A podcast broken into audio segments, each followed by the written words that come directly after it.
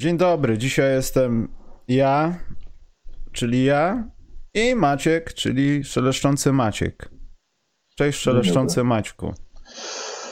Cześć Michale. Wiesz, że ludzie cię nie znienawidzili i już cię nie lubią? W ogóle nikt nie chce słuchać podcastu specjalnego przez ciebie po, po ostatnim odcinku?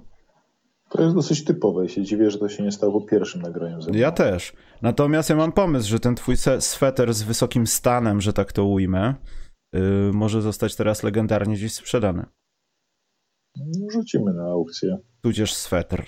Rzucimy na aukcję, kto najwięcej wpłaci na się pomaga, może go spalić. O, o. Dobrze, żeby nie przedłużać, to zaczniemy od, w zasadzie ja zacznę od dwóch rzeczy. Pierwsza rzecz jest taka, ja trochę tego na tym nowym Facebooku, nazwijmy to, nie rozumiem, ale już jakiś czas przekroczyliśmy tysiąc obserwacji, tysiąc polubień i tak dalej, za co bardzo dziękuję, ale wczoraj, czy przedwczoraj przekroczyliśmy stan magicznych dwóch tysięcy niekupowanych i niewycyckanych od jakichś tajlandzkich botów subskrypcji, dlatego jestem dumny i bardzo dziękuję. To jest olbrzymi krok dla całej ekipy. Wiem, że mogło być pięć, no ale jak Maciek szeleści, jak Karol nie przychodzi, no to trzeba robić w tym, co się ma. Także bardzo dziękuję. Naprawdę super. Yy, a, jeszcze miałem sobie Maciek o tym NBA przypomnieć, ale to powiem gdzieś w połowie, żeby być bardziej marketingowym. Więc zacznijmy sobie, możesz wybrać od czego chcesz sobie zacząć. Tylko nie od Detroit, Maciek, bo, bo jeszcze nie jestem gotowy. Musimy się rozkręcić. Możemy zacząć od plusów w takim razie, skoro nie czyli nie od Detroit. I przypadkowo plusem będzie Detroit. Nie no, skoro nie, Detroit tam trudno plusów szukać. Jest jeden plus, ale to nie dla Detroit, więc Mm. wróci, przejdziemy tam dla plusa, dla Detroit później. Na razie, zaczniemy, na razie mamy inne plusy. Ja bym To- zaczął od yy, No. cichutkich, skradających się, niezauważalnych, yy, o których nikt nie mówi, tak jak rok temu Phoenix Suns. I dla nich jest y, potężny plus, ponieważ zaczęli sezon od mydlenia wszystkim oczu. Oszukali nas, zaczęli 1-3, wydawało się, że są dan, Chris Paul już umarł, DeAndre Ayton się obraził, David Booker już nigdy nie odzyska swojej formy. Po czym po cichutku, po malutku, na wcale nie takim łatwym terminarzu, 10 z rzędu właśnie wygrali, są już na drugim miejscu w konferencji. A i ten terminarz był łatwy. Zachodniej, ale nie aż bar, nie bardzo łatwy Trzy razy z Minnesotą.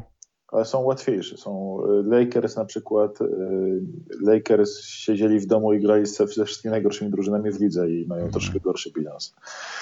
E, Ale oni więc- przegrali dwa razy z Oklahomą. To jest trochę, wiesz... I tak, i prawie, i prawie z Houston. W każdym razie y, Phoenix Suns po cichutku zrobili, są już drugą najlepszą drużyną w lidze. W tym momencie y, wszyscy grają jak, y, jak mieli grać. Y, Chris Paul znowu jest bogiem rozegrania. Robi krzywdę Rukim, różnym Garubom i Davionom Mitchellom. Przecież to, co zrobił w tych dwóch meczach, to po prostu jest jakaś abstrakcja. Biedny Garuba będzie miał koszmary. Do tej, do tej pory facet, który jest kojarzony ze świetną obroną, dostał piłeczkę między nogami, do pull-upu, do pół dystansu. Po prostu trudno, bardziej lekceważące zagranie. Potem tak samo tam e, wydymał, zdaje się, Daviona Michela, tylko nie trafił floatera na szczęście Daviona Michela. Potem jak tam za, za, zasugerował podanie za plecami między nogami, tam Mitchell pofrunął, a Chris Paul floaterek. Piękne sprawy, piękne sprawy. Phoenix się fajnie ogląda. I Jest Frank the Tank, tam jest po prostu lepszy niż DeAndre Ayton. DeAndre Ayton jest niepotrzebny, sprzedajmy DeAndre Aytona, bo Javal McGee, Frank Kamiński e, robią rzeźnie pod koszem. Fajnie się ich ogląda, naprawdę fajnie się ich ogląda, są po cichutku po prostu znowu bardzo mocną, bardzo solidną drużyną. E, I wygrywają mecze na styku, bo oni wcale nie mają aż takiego świetnego net ratingu jak na ten bilans, ale po prostu jak jest mecz blisko, to, Phoenix dowożą. Mają kim, kim kończyć mecze znowu, mają Chrisa Pola, mają Devina Bookera. Świetnie się, świet, świetnie się po prostu patrzy na to, jak oni tak powolutku, po cichutku się skradają i są znowu w czołóweczce, znowu są, e, wyglądają jak drużyna, która będzie co najmniej o finał konferencji walczyła. A ja też nie wiem do końca, jaki był nasz odbiór na samym początku sezonu Phoenix. Pewnie słaby, ale to też nie było tak, że ich od razu, przynajmniej ja skreślałem. I tak wydaje mi się, czy, czy ten, nie wiem, no, bo ten taki przełom to był chyba po czwartym meczu? Tak, bo było 1-3 mieli bilans. Tak. Ja nie wiem, czy też. Jeśli, jeśli tak Maciek twierdzisz, że, że tak ludzie ich źle odbierali, to też widziałem, ale Ja nie wiem, czy to nie, było, nie była przesada, bo w zasadzie, wiesz co, w tej drużynie nie za wiele się zmieniło. W sensie ich gra przypomina tą grę, której się spodziewaliśmy, patrząc na to, co zrobili w poprzednim sezonie. Plus, minus, no wiadomo co. Na sam koniec sezonu tak do końca kolorowo nie było. E, było bardzo źle, będąc kibicem Sans. Ale wydaje mi się, że to, teraz to, co widzimy, to nie jest coś innego, czego nie widzieliśmy poprzednio. Plus, minus, y, Chris Paul oszukuje nawet swoich kolegów. Kiedy sobie wbiega pod kosz i patrzy na ciebie, wie, że zaraz dostaniesz podanie pod nogami, a on popatrzył na ciebie tylko dlatego, żeby obrońca się zorientował, żeby tam pójść, bo ty i tak zrobisz swoje. Wiesz co, Chris wyglądał... Paul jest na misji po prostu jakiejś. Ale on dla mnie wygląda na początku sezonu, ja byłem taki lekko sceptyczny, bo ten Ayton wyglądał kompletnie nieza, na niezaangażowanego, była po chwili z niewiadomym bólem nogi. Oni cały czas nie sprecyzowali, co go boli. Po prostu ma zbliżenie niezidentyfikowany ból nogi. E, a Chris Paul wyglądał tak jak LeBron James na początku sezonu, czyli staro. Po prostu wyglądał staro i się wydawało, że tu nie będzie aż tak różowo, bo oni jedyny mecz, który wygrali z pierwszych czterech spotkań, to wygrali ze starymi Lakersami, a tak to przegrali z Nuggets, przegrali z Blazers i przegrali z Sacramento Kings ze wszystkich drużyn. No i się wydawało, że są troszkę w dupce. Po czym nagle po kolei mamy Cleveland, Pelicans Houston na rozpęd. Tutaj, mm. tutaj spuścili im baty. Potem byli, byli już Hawks, trudniejsza drużyna. Rewanż na Kings, rewanż na Blazers, y, Grizzlies i, i potem i po rewanżu na Blazers zaczęły się blowouty w ogóle, więc rąbnęli Grizzlies blowoutem, Houston blowoutem, Potem Minnesota właśnie romknęli na krótko i teraz e, Dallas Mavericks i wydaje się, że oni mogą to dalej pociągnąć jeszcze przez parę spotkań, bo teraz mają zdaje się Dallas bez Luki. Luka, Luka jest e, questionable na ten mecz. Więc mogą tutaj Dallas bez Luki, potem mają jeszcze Nuggets. Ta, ta seria może ich się pociągnąć tak naprawdę do jakichś 14-15 spotkań teraz. To, to, to jest fajne i lubię, lubię Phoenix zeszłego sezonu, lubię, lubię, lubię Phoenix w tym sezonie. Co prawda strasznie wrzodem estetycznym na tej drużynie jest twarz Franka Kamińskiego i ogólnie to, jak się Frank Kamiński rusza. No ale gra świetnie przy okazji, więc wybaczymy mu może wygląd. Mm. Poza tym JaVale McGee? JaVale McGee, dużo, dużo bloku daje, fantastycznie. On, no, te momenty, kiedy nie było Ejtona i kiedy trzeba, potrzeba było po prostu jakiegoś wysokiego, mobilnego gościa, żeby wykonał określone zadanie, czyli piki spieprzaj, tak to nazywam, w skrócie wiecie jak to brzmi? Yy, to, to Jovel Magi jest do takiej roboty. Poza tym widać, że dojrzał chłopak. To mi się podoba. Już, już, już jak na niego patrzysz, nie widzisz jego głównego highlightu, czyli dwie piłki yy, w konkursie wsadów, dwa kosze. Nie, to, to już jest normalne. No od jakiegoś czasu tak jest, ale teraz patrząc na niego Phoenix właśnie takie, takie skojarzenie miałem. Wiesz, tam fajne jest to, że mają całą armię graczy, których po prostu wypuszczają tam na skrzydła, przecież tam mrugniesz jest kolejny skrzydłowy na boisku po mhm. prostu mm. i tam każdy skrzydłowy daje radę. Cam A Johnson, jak nie, to zostanie. Cam Johnson tak. Cam Johnson, który tam gdzieś wyglądał na to, że nie będzie się nadawał, wychodzi jest coraz lepszy, nie wiem, e, Chris Paul, ten Michael Bridges, super, Jay Crowder, super, ale tam wszyscy grają po prostu dobrą, fajną, solidną koszykówkę, to się dobrze ogląda. I to jest takie, e, że patrzysz i jak chcesz dostać pewną jakość, to włączasz Phoenix Suns, dlatego pewnie wszyscy teraz przestaną ich oglądać, zaczną szukać drużyn ciekawszych, w których coś się dzieje, a nie po prostu jadą do półfinału konferencji zachodu na autopilocie. Bo tak trzeba powiedzieć o Phoenix Suns, że oni na autopilocie wejdą do tego półfinału. Dobrze, to Phoenix są skreśleni, jeśli chodzi w kontekście przyznawania jakichkolwiek wyróżnień dzisiaj. Nie wiem, bo, boli mnie serce trochę, kuje mnie tak tutaj podosie, tylko, podosierdziem, bo powiem zaraz straszną rzecz. No. Wejdę tylko do Phoenix na sekundkę, zanim ci, ci muszę przeszkodzić. Jeszcze to jest śmieszne, że oni znowu, że Chris Paul już raz to przerabiał i jego drużyna znowu gra lepiej, odkąd się okazało, że właściciel ma problemy. No właśnie, jest... chciałem to powiedzieć, może po prostu to jest tak, że ty jesteś tym cywilem, nagle przyjeżdżają dobre wojska i zabijają tych złych i w końcu jest po rewolucji. I może, może Ejtonowi też będzie łatwiej e, grać w takiej drużynie, a jednocześnie też nie myśleć o tym przedłużeniu kontraktu. Jeśli no, obecny gubernator, bo nie można Maciek mówić właściciel od, od ponad roku, chciałbym, pragnę zauważyć, e, po prostu nie odejdzie i nie pojawi się ktoś, kto jest w porządku, ktoś, kto, kogo chcą. Problem jest taki, że NBA pewnie bardzo by chciała, żeby serwer odszedł, ale nie mogą go zmusić, mm. bo nawet przy Sterlingu wykorzystali myk, że oni nie, nie zmusili Sterlinga do odejścia, tylko dali mu ban na chodzenie na mecze i go tak jakby bardzo mu mocno sugerowali przekazanie klubu żonie, która to potem sprzedała. Tutaj sprzedaż klubu żonie, która właśnie groziła byłym pracownikom Phoenix, żeby przypadkiem się nie powiadali w dochodzeniu, nie jest nie do końca jest najlepszym pomysłem. E, a zmuszenie, żeby sprzedał ten klub jest czymś, na co z kolei pozostali właściciele się nie zgodzą, bo oni e, pewnie tam połowa też ma swoje za uszami mniej lub bardziej, więc gdyby się okazało, że takie zarzuty mogą spowodować właśnie e, mm, odejście, no to oni by się nie, nie bardzo mi się podoba. Plus Server jest pracodawcą Silvera na swój sposób, jednym z 30 pracodawców Silvera, ale Silver pracuje dla właścicieli, więc też Silver nie będzie aż tak palił, żeby tak wypychać z tej ligi na siłę. Chcieliby pewnie wszyscy, żeby on po prostu powiedział, tak, no w sumie moja misja jest tu skończona, Phoenix Suns na, na szczycie konferencji, mogę odejść, mogę odejść, by pewnie wszyscy tak chcieli, ale zdaje się, że to nie jest taki człowiek, więc tam to pewnie się skończy na jakiejś, yy, nie wiem, na karze finansowej, pewnie on może dostać jako człowiek, kilka, jako właściciel ileś tam milionów dolarów kary i pewnie jakiegoś bana na chodzenie na mecz na parę lat. Ale no, do odejścia go nie zmuszą, więc też tutaj, zresztą to widać było, jak Chris Paul był w y, Clippers i tam ze Sterlingiem były te jaja, no to mhm. tam po każdym meczu był pytany cały czas o to, co sądzi o Sterlingu, co sądzi o rasizmie tutaj właściciela i tak dalej. A tutaj tak naprawdę jest po cichutku, z tym nikt, nikt sobie nie zawraca dupy, raz ich zapytali, powiedzieli no comments, y, never, never experienced that, but bla bla bla i, y, i tyle, i tyle sprawy, więc no ale po wiesz. Jest śmieszne, że klub ma takie zamieszanie wewnętrzne, a sobie tak fajnie radzi. Może to jest ten taka, e, te obstacles, które drużyna musi przeskoczyć, jak to w Stanach ładnie mówią.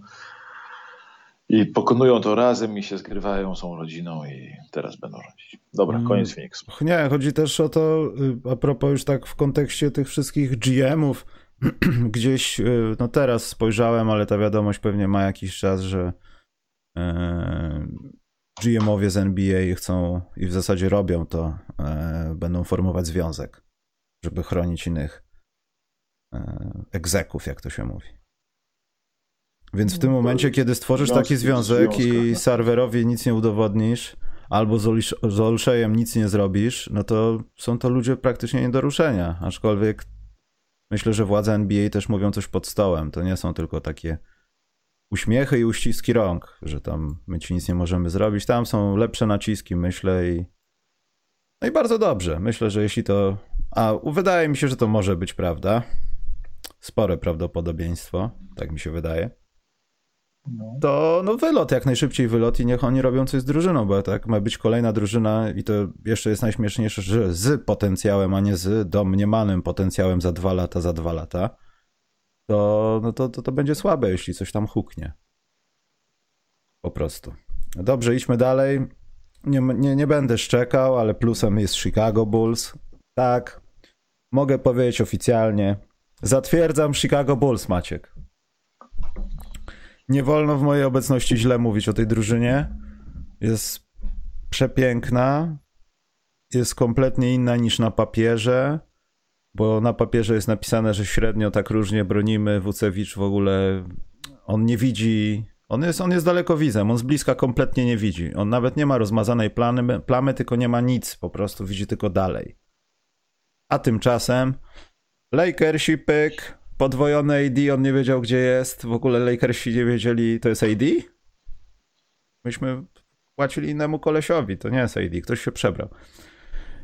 Brooklynek, pyk, Demar DeRozan w ogóle nie wiem, co on robi teraz. Mam nadzieję, że nie ćpa czegoś. Wygląda jak, nie wiem, gdy miał wybierać top 5 kandydatów do MVP, DeRozan byłby pewnie w tym top 5. To... Ula piki, fadeawayki, dankiki. nie no, robi wszystko, podaje, biega, tańczy, jeszcze powinien dzieci do snu y, Był przytulać. taki straszny moment, kiedy grali z Lakersami właśnie, kiedy DeRozan po prostu tak perfidnie, chamsko, brutalnie, złośliwie, niemiło, wrednie polował na Carmelo, i po prostu w każdej jednej akcji wyciągał do Switcha Carmelo, wyciągał go, przyjmował po trzy zasłony, po trzy razy wołał gracza, żeby tylko mieć e, Carmelo, który by, żeby Carmelo by słyszeć na niego, po czym walił mu pula Pawry. Po czym kolejna akcja, znowu robi jedną zasłonę, drugą, ten Carmelo się przed nim chowa w rogu. To idzie do rogu, woła tutaj zawodnika z rogu, chodź, chodź, chodź, podsłuchaj mnie tutaj. O, jest Carmelo, kryje mnie, pula Pawry.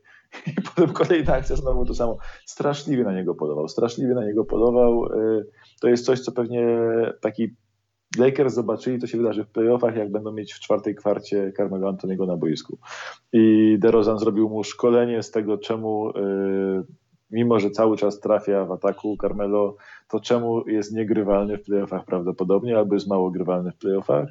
Yy, było to straszne i strasznie mi się to podobało bo DeRozan ewidentnie z roku na rok jest coraz mądrzejszy. On troszkę był w cieniu przez to, że Popowicz jakby tą jego grę tak troszkę pod system dopasował, a przy okazji go nauczył wiele. E, I DeRozan teraz w tej wersji to jest, naj... ile on ma? 32? On nie, jest, on, nie jest, on nie jest taki młody, on ma 32 lat. Albo przed 33, no nieistotne. On ma 89 rocznik, no to 7 sierpnia 89, no to jest no, dobra. 30, 32 lata, nie ma, tam jest z malutkim haczykiem. No to DeRozan generalnie jest najlepszą wersją siebie w tym wieku mimo że atletycznie nie jest zupełnie już tym gościem, co kiedyś po prostu w każdej akcji wymuszał faule, bo wchodził wchodził między ludzi, wisiał w powietrzu i ktoś go tam walił w łeb. E, broni też przyzwoicie, nie jest to jakiś znakomity obrońca. Ja bym to nazywał stawia opór. Stawia opór, o, stawia opór. Teraz dzięki temu, co się stało w Chicago, z całym szacunkiem dla Patryka Williamsa, dzięki temu, że Patryk Williams nie może grać i nie trzeba się przejmować minutami dla niego, DeRozan sporo gra na czwórce też na przykład. Fajnie to wygląda, fajnie wyglądają Bulls. Y, są for real na pewno, są dużo lepsi niż y, większość osób myślało. Mają y, atak i obronę oba w pierwszej dziesiątce ligi. To jest, ta obrona w pierwszej dziesiątce jest dosyć zaskakująca. To z kolei jest duży, duży, duży kudos do, dla Caruso i dla, dla duetu Caruso-Ball. Duet Caruso-Ball to jest po prostu zbawienie dla tej drużyny. Wiesz, ale to w momencie, kiedy oni, ich nazwiska pojawiły się w Chicago, to no przynajmniej przeze mnie było wymieniane właśnie jako jeden z podstawowych plusów, bo to raczej był no-brainer, że tak będzie. Bo oni już po swoich poprzednich wcieleniach yy, robili tą robotę w jakiś sposób. Natomiast tutaj jestem bardzo zadowolony, że oni to robią, ale jednocześnie reszta składu, taki Wucewicz nawet, potrafi coś dobrego zrobić, mimo że potem jak to widzisz, obserwujesz, stwierdzasz, czy to miało sens, czy nie, to potem lepiej o tym nie mówić, nie? Ale te momenty, kiedy trzeba kogoś tam przejąć albo zmusić do podwojenia. W NBA są teraz bardziej doświadczone ekipy, zgrane nawet jeśli nie chodzi o wiek czy doświadczenie w NBA, tylko zgranie w jednej drużynie, które nie potrafią się porozumieć, kiedy przeciwnik atakuje trójkątem. Tak. A, a w tym momencie tutaj więcej dzieje się dobrych rzeczy, nawet jeśli to jest głupi faul na koniec bez zdobycia punktów, ale i tak są osobiste, to no ja jestem bardzo zaskoczony. Jestem, jestem przede wszystkim ciekaw, jak to długo potrwa, bo wiem, że to, to będzie trwało jakiś czas i pojawi się na pewno gdzieś jakaś ściana. Tak, ale uważaj, chcesz dobrą statystykę. DeRozan w ogóle pomijam już że zaczął rzucać 2,5 trójki na mecz. To w ogóle jest, nagle stwierdził, że w sumie to jednak umiem. Ale to, to, widzisz, to wynika z tego, co kiedyś było w San Antonio, że DeRozan trafiał do kosza, kiedy on nie musiał rzucać do kosza. Bo już miał nabite, powiedzmy, dwie dychy na liczniku, mecz był wygrany, rzucę sobie. A teraz jest już, ja myślę, że już ma taki luz, że zaraz będzie rozpoczynał spotkania jak za klawin od kilku trójek. Jest naprawdę, nie, odkleiło wiesz, go powoli w tej ofensywie. To cały czas nie jest jakiś szalony. On w ostatnich meczach tam trochę tych trójek więcej. Cały czas to są, wiesz, niecałe trzy trójki oddane na mecz i jedna trafiona. On też miał To jest 300% sezony, więcej niż poprzednio. Tak, on miał takie sezony, że zaczynał y, od y, tych dużej ilości rzutów za trzy, a potem przestawał z biegiem sezonu, wracał do swojego bread and butter, ale nawet w tym wygląda ciekawie. Nie wiem, ja w, jestem dużym fanem tego, co robi. Śmieszne jest to, że on się. Yy, okazało się, że Bulls wcale nie oddali za niego tak dużo, jak się wszystkim wydawało, że oddali dużo, że drogo, że mają go drogo i oddali za nie za dużo, a on teraz się okazuje być wart każdego centa, którego za niego płacą. To jest dość zabawne i zabawne i jest bardzo ciekawa rzecz, bo DeRozan całą, całą karierę było, że grał dobrze, wydawało się świetnie, po czym był graczem minusowym i drużyny bez kiedy siedział na ławce grały lepiej niż kiedy on siedział, y, kiedy grał. I to było i w Toronto i to było cała taki refren w Spurs, że ten DeRozan taki fajny, amerykański, no ale drużyna kiedy jest na boisku jest minus 7, a kiedy schodzi z boiska to jest plus 3 na przykład. A teraz drużyna z nim na boisku jest plus 12 punktów na 100 posiadań. Mhm. I to jest y, najlepszy, zdecydowanie najlepszy rating ze wszystkich graczy, którzy w ogóle grają tam powyżej kilkunastu minut na mecz. Wyższy mają tylko Tony Bradley i Derrick Jones Jr., ale oni grają powiedzmy przeciwko troszkę innym line-upom troszkę innej klasie rywala. Tak? Rezerwowym jest łatwo mieć wysokie y, ratingi. A DeRozan ma czołową, y, ma przyzwoity, w sensie ma, ma, ma najlepszy w drużynie rating defensywny to jest w ogóle jakaś abstrakcja. Trudno mi to zrozumieć cały czas, ale ma najlepszy, jest najlepszym, przynajmniej statystycznie, ma najlepszy rating defensywny. I ma też bardzo dobry ofensywny, dzięki temu mówię, to jest plus, oni są plus 11,6 punktów na 100 posiadań z DeRozanem na boisku. Y, dla mnie to jest y, kozacka rzecz, to jest coś nowego w jego grze jakby, że te jego świetne statystyki się przekładają na, na te statystyki zaawansowane. I no cóż, y, tylko przyklasnąć. Choć też nie jestem pewien, czy to jest to, co Chicago ma, to znaczy, ma, że Chicago jest już na pewno drużyną y, stop 4 wschodu. W tego, nie, jest, nie łykam. Nie jest, na playoffy, bo... playoffową jest top 4, nie jest dla mnie. E, nie jest z prostej przyczyny też, że wydaje mi się, że to wszystko, jeśli wszystko dobrze idzie, to jest pięknie. Y, Bulls też nie marnują posiadań. Ja wczoraj w kanale sportowym znalazłem, znaczy na potrzebę programu szukałem takiej statystyki na temat właśnie Phoenix. Jeśli chodzi o posiadania, Bulls y, oni mają może teraz 1500 posiadań rozegranych w sezonie. W 15 spotkaniach, tak? To 15 spotkań rozegrali? 15. Lakers w 16 mają 1600. To jest różnica posiadań w, pół, w, jed, w jednym i pół spotkania, może w dwóch. Bulls po prostu robią wszystko, bo wszystko idzie zgodnie z planem. Trafiamy do kosza, nie musimy zbierać, jesteśmy drugą, trzecią od końca zbierającą drużyną w NBA obecnie. Wiadomo dlaczego, bo u nas tylko jedna osoba jest do tego nominowana. Tony Bradley czasami udaje, że nie ma takiego przedmiotu jak piłka, tylko trzeba bronić przeciwnika. Ja to rozumiem, jest wszystko ok. Tempo gry też nie jest zabójcze, wszystko jest z wyrachowaniem. Ale co się stanie, kiedy ewentualnie z tego układu ktoś się jeden wysypie? Ewentualnie będzie ten gorszy okres. Jestem ciekaw tego, jak Bulls przejdą z tej takiej hiperradości do jeszcze cięższej pracy, żeby no, iść dalej do przodu. Bo wydaje mi się, że te zbiórki to może być horrendalny problem, jeśli będzie więcej tych posiadań, bo ty nie będziesz trafiał do kosza i z jakiegoś powodu nie trafiasz do kosza, więc musisz zabezpieczyć zbiórkę i nie możesz tego zrobić. I co dalej?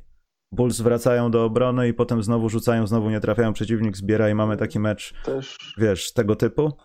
Też to jest najtrudniejsze dla nich w tym momencie. Też mnie zastanawia Wucewicz, który, e, czy on całą, czy da radę tak pokornie trzymać się, e, być, właściwie, czy da radę tak pokornie być roleplayerem w tym sezonie, cały, cały sezon.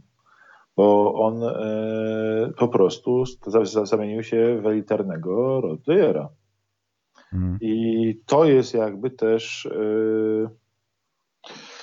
też dość e, dla mnie e, zaskakujące, że on daje jakby tak naprawdę, on wiesz, jemu usage spadł chyba z 10 punktów procentowych względem tego, co było w zeszłym sezonie. On w tym sezonie ma e, usage na poziomie, słuchaj, 21%. On mógł się na 30% usage'u. On, to jest tak, że wydawało się, że DeRozan będzie oddawał ze swojej gry, że Lawin odda trochę rzutów, żeby tam e, inni mogli grać, a Wódz to jest gość, który pod koszem będzie dominował i w ataku jest sprawdzony, skuteczny i tak dalej. No tu się okazuje, że wcale nie, że to Wódz oddał i to oddał bardzo dużo, ma tylko 13,5 punkty na mecz. On zbiera, podaje, e, stara się bronić tyle, ile umie, ale no kurczę, jestem pod gigantycznym wrażeniem, jak bardzo on się poświęcił dla drużyny i pytanie jest, czy on da radę cały sezon, w sensie, czy cały sezon będzie gotów tak się poświęcać. Mhm. No przynajmniej czy mu zdrowie pozwoli, no bo to też jest, już pomijam COVID i tak dalej, ale po prostu kończyny, kończyno plecy też. To jest ciekawe. Dobrze, ty też pewnie to masz jako plus, więc to trzeba powiedzieć, a to mi się niebezpiecznie zaczyna podobać nie podobało mi się to w 17 do końca, może w 15, 16, w żadnym mi się mogło tak nie do końca podobać. Ale Steph Curry robi sobie jaja z ludzi jeszcze większe niż Demar DeRozan chciałby robić, robiąc je. To ja go mam w plusie ogólnym dla Warriors. To jest w ogóle plus dla NBA, Maciek, że nie ma gościa, jest w zasadzie zmyty, a Steph Curry tam pff, ci Warriors to oni nigdy nie wrócą, wybierają jakichś gówniarzy w drafcie, mają tego tego już nawet nie niedobrego, ultra słabego Wigginsa i nagle jak mówisz ultra słaby Wiggins na mieście, to dzieciaki w ciebie rzucają koktajlami Mołotowa. Ultra słaby Wiggins był, miał ten sezon słabszy niż zeszły, po czym na przykład Brooklyn Nets nagle przejął końcówkę trzeciej kwarty i, o Warrior, mówię właśnie. Warriors odjechali, kiedy Wiggins po prostu zaczął sobie robić jaja po prostu z ludzi, rzucając trójki, pull-upy, wsady mm. robiąc. Miał taki moment, że miał chyba 13 czy 16 punktów w ostatnich 6 minutach trzeciej kwarty. I tak, tak, tak, tak od nagle wyszedł Wiggins, przejął mecz na chwilę. W ogóle Warriors dla mnie to jest monstrualny plus. To jest drużyna, która myśleliśmy, że ona będzie w najlepszym przypadku wyglądała tak, jak teraz wygląda, jak wróci Klej i wszyscy będą zdrowi. A oni tymczasem są, pół drużyny jest kontuzjowane cały czas. Y, Weissman jeszcze nie wrócił, chociaż Weissman to akurat może być plus dla ich. Że nie wrócił. Bo, bo, nie, bo go nie trzeba rozwijać po prostu. Zamiast mogą go nie rozwijać, mogą po prostu tam może sobie się snuć gdzieś z boku i powolutku, powolutku go wdrażać.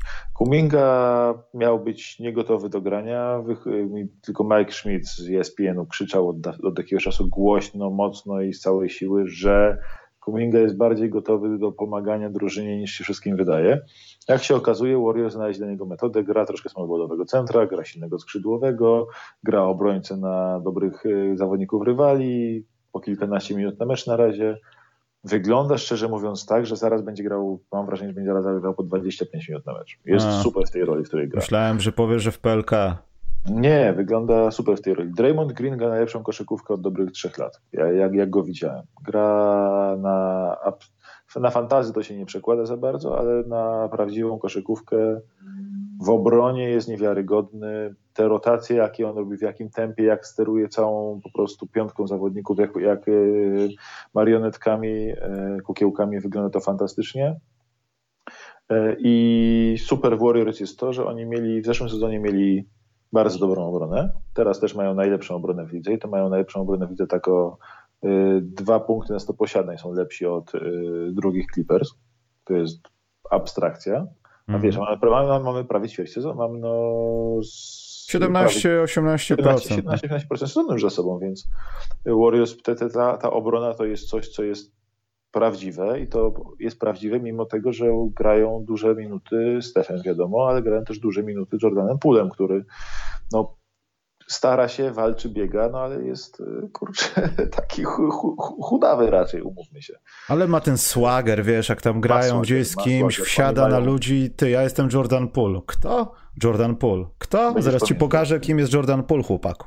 Tak, I dzieją się jakieś rzeczy. Ma to. Niania Bielica jest super. E, oni mają też to, że oni nie, nie grają w ogóle słabymi graczami. W zeszłym sezonie w gościom osobowej rotacji byli jacyś goście typu e, Mitchell Mulder, czy jak on się tam nazywał, e, jakiś Kent Bazemore grał, James Weissman, wiadomo. Tam cała masa jakichś takich łaków grała, która w ogóle nie powinna była wychodzić na parkiet. Więc nagle wychodziłeś, miałeś a, Juan Toscano Anderson, który jest przyzwoity, no ale teraz jest poza rotacją nawet u nich.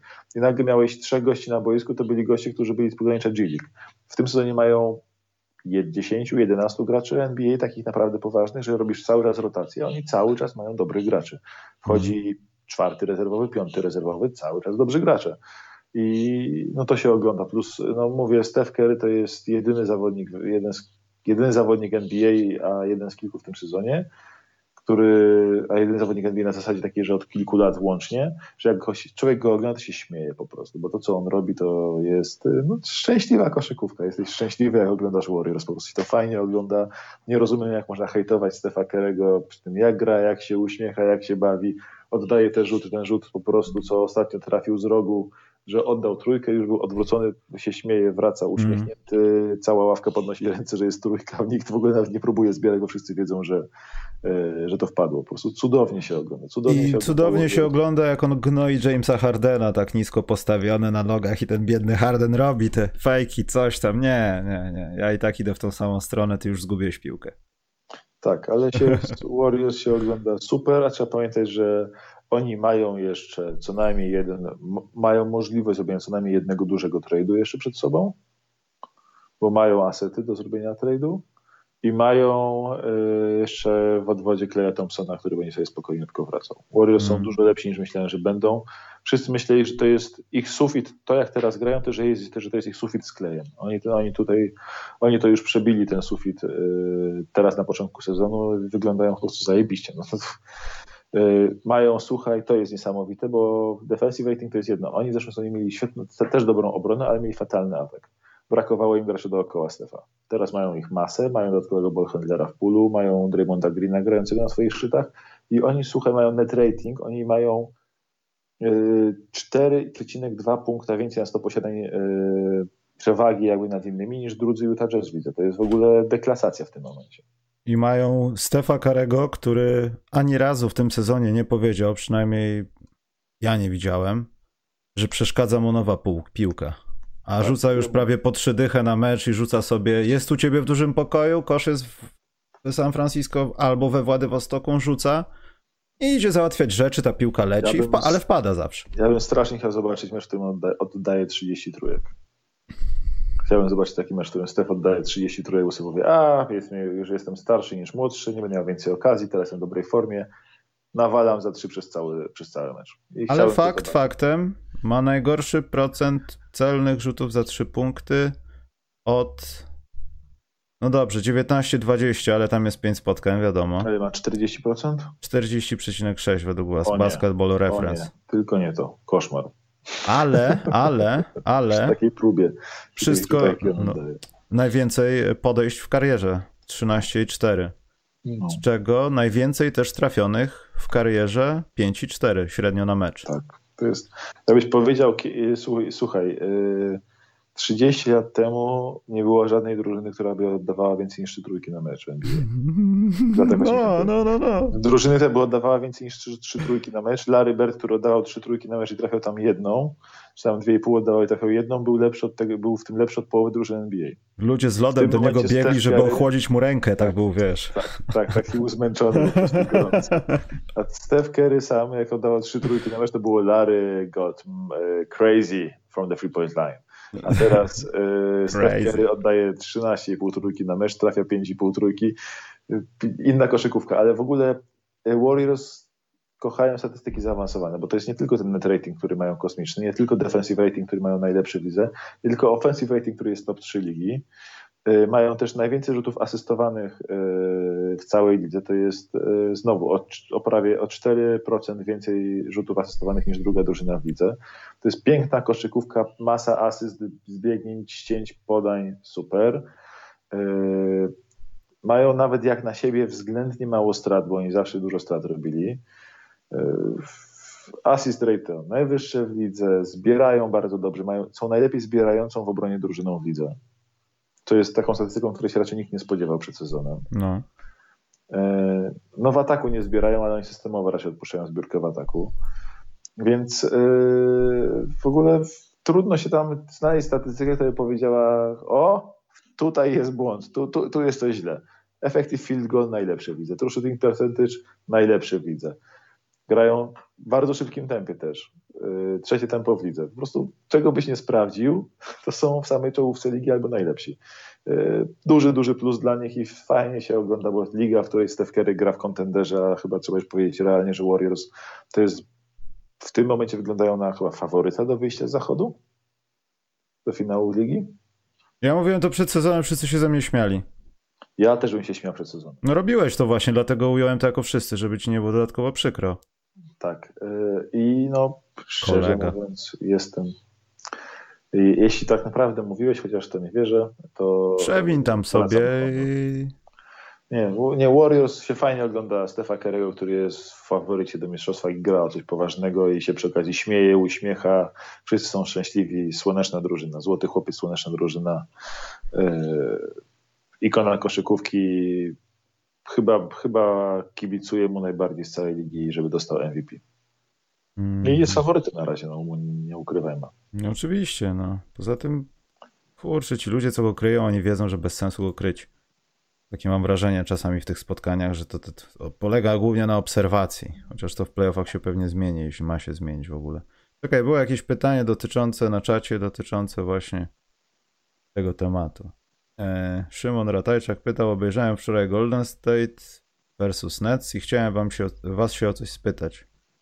Tu jest w lidze wysoki gracz z pozycji 4-5, który jest w stanie przynajmniej utrudnić życie Karemu po switchu. Evan Mobley. Evan Mobley na pewno. E, Janis Antetokounmpo. Na pewno.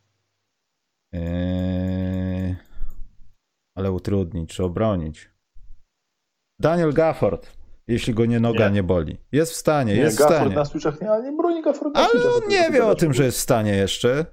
Ale nie broni na switchach. Przepięknie broni, daj spokój. Nie oczerniaj chłopaka. Jest z tej drużyny, Mm. która jest liderem prawie na wschodzie. Wszystko jest prawie, zauważyłeś? Tak, niech się nie czeka, daj mi sobie spokojnie spojrzeć, pomyśleć. Yy, tak. Z ich takich wysokich bardzo niewiele, żeby tam byli. No, Scotty Barnes, jeśli go mamy jako wysokiego, to jest No fajnie, właśnie, to jest też- fala. Jest Scotty Barnes i Evan Mobley to jest dwóch gości, którzy mogą na switchu przejąć małego gościa i za nim latać i ten gość i utrudnić. Oni nie zamkną go, bo Mobley już miał parę takich welcome to the league moments z gardami NBA, którzy mu nagle po prostu go obiegli, zrobili z niego wiatrak, ale on jest dobry dlatego, że się nie przejmuje tym w ogóle. Scottiego Barnesa też tam parę razy paru gości przeorało. E, Ale no to jest y, learning curve dla nich. A tak to ich dwóch bym powiedział, Janisa bym dał i szczerze mówiąc tutaj chyba cała zabawa się... A, Antony Davis. Antony Davis jest oczywiście. Antony Davis jest jeszcze tym gościem, który może tak zrobić. I Mhm. na, na, na tym bym skończył list. A i Bama Debajo. Czyli mamy Bama, Antonego Davisa, Ewana Mobleya, Janisa Antetokounmpo i ewentualnie Scottiego Barnesa, jeśli go jeżeli jako wysokich. I pewnie podejrzewam, że Draymond Green byłby w stanie to zrobić. No właśnie chciałem to Draymond Green powiedzieć. gra W drużynie, w drużynie Stephem. Chociaż nie wiem, czy tam po tym pierwszym kroku już jakby Steph zmienił kierunek, to wielka pupa Draymonda nie byłaby w innym tym, w, innym stanie zaraz. Wierzę, że dałby radę. No. I jeszcze jest, a nieważne, nieważne. Dobrze, jaki plusik Paul masz? Reed, Paul Reed jeszcze może go przejąć i kryć. Paul Reed, Paul Reed jest niesamowity w obronie. Paul Reed jest w obronie kosmitą. Tylko Paul Reed jest większym Matisem Tybulem. No, czyli pewnie tak. jest taką gwiazdą NBA, jak jest właśnie teraz. No, ale Dlatego słuchaj, właśnie. Paul Reed w Philadelphia ma dwóch Tybulów. Ma jednego małego Tybula, czyli to jest prawdziwie to jest OG Tybul i ma Paula Reeda, który jest e, Big Tybul. I to jest dwóch gości, którzy są bardzo podobni w swoim, swoje- swojej grze, jakby jeśli o to chodzi. Tylko Paul Reed troszkę gorzej przechwytuje, a troszkę lepiej zbiera, a cała, cała reszta jest dokładnie taka sama. Dobra, jeszcze plusik jakiś ode mnie. E, Było Phoenix, byli Warriors, a muszę dać plusa dla KD. I tutaj chciałem, jest po prostu niesamowity. KD jest absolutnie. e, No, próbuję powiedzieć to tak, żeby ci nie, zdemonetyzować, żeby ci nie zdemonetyzować podcastu. E, Ale jest. e, KD powoduje takie, że człowiek tak patrzy i mówi, jest, jaka ta koszykówka jest prosta. Dwa Mhm. kozły lewo, prawo, pull-up. Dwa kozły, dostajesz piłkę, rzucasz. Wszystko wpada, nie da się ciebie przykryć. W obronie wyciągasz rękę, blokujesz gościa, który jest dwa metry od ciebie. Po prostu KD jest absolutnie abstrakcyjnie dobry na start sezonu. Strasznie się boję, że się zaraz zepsuje, bo on e, w zeszłym sezonie też był taki dobry, prawie taki, no aż taki, nie aż taki. Był bardzo dobry w zeszłym sezonie, tylko potem wysiadły mu nogi po tej kontuzji, którą miał. Mm, W tym sezonie jest tak dobry, jak był w serii z Milwaukee Bucks w playoffach. Cały czas. Mhm. A to utrzymanie takiej intensywności, takiej jakości gry przez ćwierć sezonu już, to jest niewiarygodne i byłby, myślę, żelaznym kandydatem, zwłaszcza, że jest na Brooklynie, do MVP, gdyby nie to, że jakaś mała złota kurka lata po San Francisco i sprzedaje ludziom trójki. No ale, no ale tak jest. No. Jest, ale w, Nets, Nets jadą na, na autopilocie na razie, ale KD po prostu to, co gość wyprawia, nie wiem. Szczerze mówiąc, dość dawno nie widziałem gracza, który by, byś tak bardzo nie miał pomysłu, jak go obronić, jak KD możesz bronić teraz. Nie wiem, czy to jest ostatni taki czas, to był chyba ostatni taki czas to był KD 2017, jak, jak przyszedł do Warriors A wcześniej takim graczem to był chyba LeBron w. No i LeBron, LeBron, LeBron w Cleveland, tak? kiedy on tam robił wszystko już w pewnym momencie. To ten LeBron, taki prime LeBron, ale nie z sezonu zasadniczego, tylko z playoffów, kiedy nagle po prostu cały mecz się zawijał dookoła LeBrona i LeBron to kontrolował i nikt nie wiedział, co z nim zrobić. I to są, a, a wcześniej to nie wiem, to Kobe 2006 pewnie. No. Nie do obrony gość jest. Gość jest nie do obrony, jest niewiarygodny. To jest takie też trochę Tracy McGrady na tym, na taki wyzwalaczu, wiesz, 5 y, minut do końca i w 2003 Orlando przegrywa. I nagle tak. Tracy w tym błyszczących, najbrzydszych w historii NBA śliskich strojach, New Jersey Nets też takie mieli w finałach, pamiętam, były obrzydliwe. Dalej ten, dobrze, już nie ma tego materiału. Po prostu widzisz to coś w oczach, wiesz, jakbyś psu rzucił piłeczkę. Ten pies jest grzeczny, on wszystko robi. To jest w ogóle pies przewodnik dla niewidomych i on dzieci do szkoły prowadzi. Ale jak wyjmujesz piłeczkę, przekręca się głowa i nagle jest coś takiego. I Tracy też to coś takiego miał i u KD to widać cały sezon. Z drugiej Ale strony... Tracy to miał tylko jak stawki nie było. No, albo sobie wbił ją w głowę trochę, no, też. Może. Tak. Bo jeśli ten mecz był niepotrzebny i w, w, 13. A, nie, szkoda gadać, bo się znowu podniecę, będę to oglądał cały czas. Yy, dobrze, to masz jeszcze jakieś plusy? Wizards. Ja o nich rozmawiałem dużo wczoraj. Ja chciałem tylko o nich powiedzieć tyle, że jestem zszokowany, że tacy ludzie jak Wes Anseld. Może nie jestem zszokowany, ale chciałbym, żeby Wes Anseld został kreatorem jakiejś nowej linii Zdobądźmy Mistrzostwo w słabej drużynie 2-0. Bo to, co on zrobił z obroną w Denver, to, co robi z obroną tutaj, to w jaki sposób. E, poza tym też ma dobrą drużynę taką do tego typu celów. No. Umówmy się. Tam większości zawodników też nie do końca może chodzić o to, żeby wygrywać w Waszyngtonie, ale żeby też się pokazać z lepszej strony, bo wiecie, no. Kyle Kuzma nie do końca był dobrze odbierany w Lakers. Nagle tutaj tymczasem już tak patrzysz na niego lepszym okiem. Spencer Dzyndzel przepięknie gra. Jest, y, szczerze mówiąc, wygląda, że y, mimo, że jest gorszym graczem od Bradley'a Billa, to się nie, nie, nie ukrywajmy, to jest alfą, że jakby, że Bradley Bill się z przyjemnością się schował na, wziął tutaj y, dalsze miejsce w hierarchii hierarchii drużyny, w sensie, że to Dinwiddie podejmuje decyzję i Dinwiddie tutaj wydziela mu piłeczkę, tak jak kiedyś to robił John Wall, a Bill robi swoje, chociaż właściwie to nie, Bill nie robi swojego nawet. Wizards są tak dobrzy, mimo że Bill na razie gra gówno. Jak na swoje standardy, Bill nie jest najlepszy. Bill nie jest najlepszy jak na swoje standardy, to yy, aż sobie wejdę, zerknę, bo Bill po prostu jak na swoje standardy nie jest najlepszy. I to jest też niesamowite. A może to, on, ale może tego... Może o to chodziło całą, całą karierę Billowi. Że może on nie powinien być najlepszy. Że nie, że może John Wall to było za dużo. To była taka jedna, ale bardzo duża bomba. A tutaj masz dużo różnego rodzaju pocisków. Kto by pomyślał, że Avdia będzie, no nie chcę powiedzieć, lockdownował ludzi jeden na jeden, ale potrafił przynajmniej zatrzymać kontrę. Deni, tak, Deni, yy, słuchaj, z gości, którzy są w regularnej rotacji Wizards, to Deni Avdia ma najlepszy net rating. Pomijam Korego Kisperta, który po prostu jakiś, yy, wiesz... Yy, no ale to jest błąd statystyczny, no. To u niego to jest błąd statystyczny, bo jak masz jak grasz 11 minut na mecz, to wejdziesz raz, jak będzie drużyna, i drużyna odda w tym czasie run minus 15 na przykład, albo minus 12, to nagle spadasz z net ratingu 17,4 na net rating plus 2. I to, to, to jest y, u Kisperta, ale u Avdi to widać, że on broni, a w ataku robi w sumie wszystko po troszeczku. Broni, zrobił duży postęp, i bo Anselt mu znalazł rolę. Znalazł mu rolę, w której jest dobry. On w ataku jest takim gościem, takim glugajem. Yy, nie, nie ma, tak jak mu kazali jeszcze w zeszłym sezonie, słuchaj, teraz rzucaj za trzy, albo teraz coś tam, teraz rozgrywaj i tak. On mówi, ale ja w sumie powinien tylko trochę rzucać za trzy i tylko trochę rozgrywać, ale nie, ale nie powinien mu rób wszystko, tylko mu kazali robić konkretne rzeczy i on te, te konkretne rzeczy, całą karierę nie robi takich pojedynczych konkretnych rzeczy, nie był roleplayerem, tylko takim gościem od wszystkiego.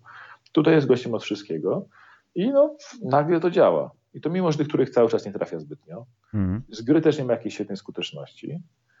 Z osobistych nie ma jakiejś świetnej skuteczności, ale robi całą masę dobrych rzeczy. Zbiera, broni, podaje, blokuje troszkę rzutów, nie robi strat, nie fauluje w tej swojej obronie. Jest po prostu kozacko plusowy. To jest naprawdę, naprawdę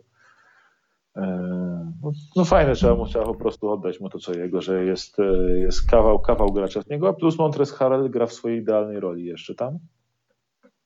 Idealna rola dla Harrella jest. Wchodzi, grają szybko, Dinwiddie go kreuje, on tam krzyczy na ludzi, bierze, skacze im po głowach, yy, słyszy MVP, MVP jak stoi na linii.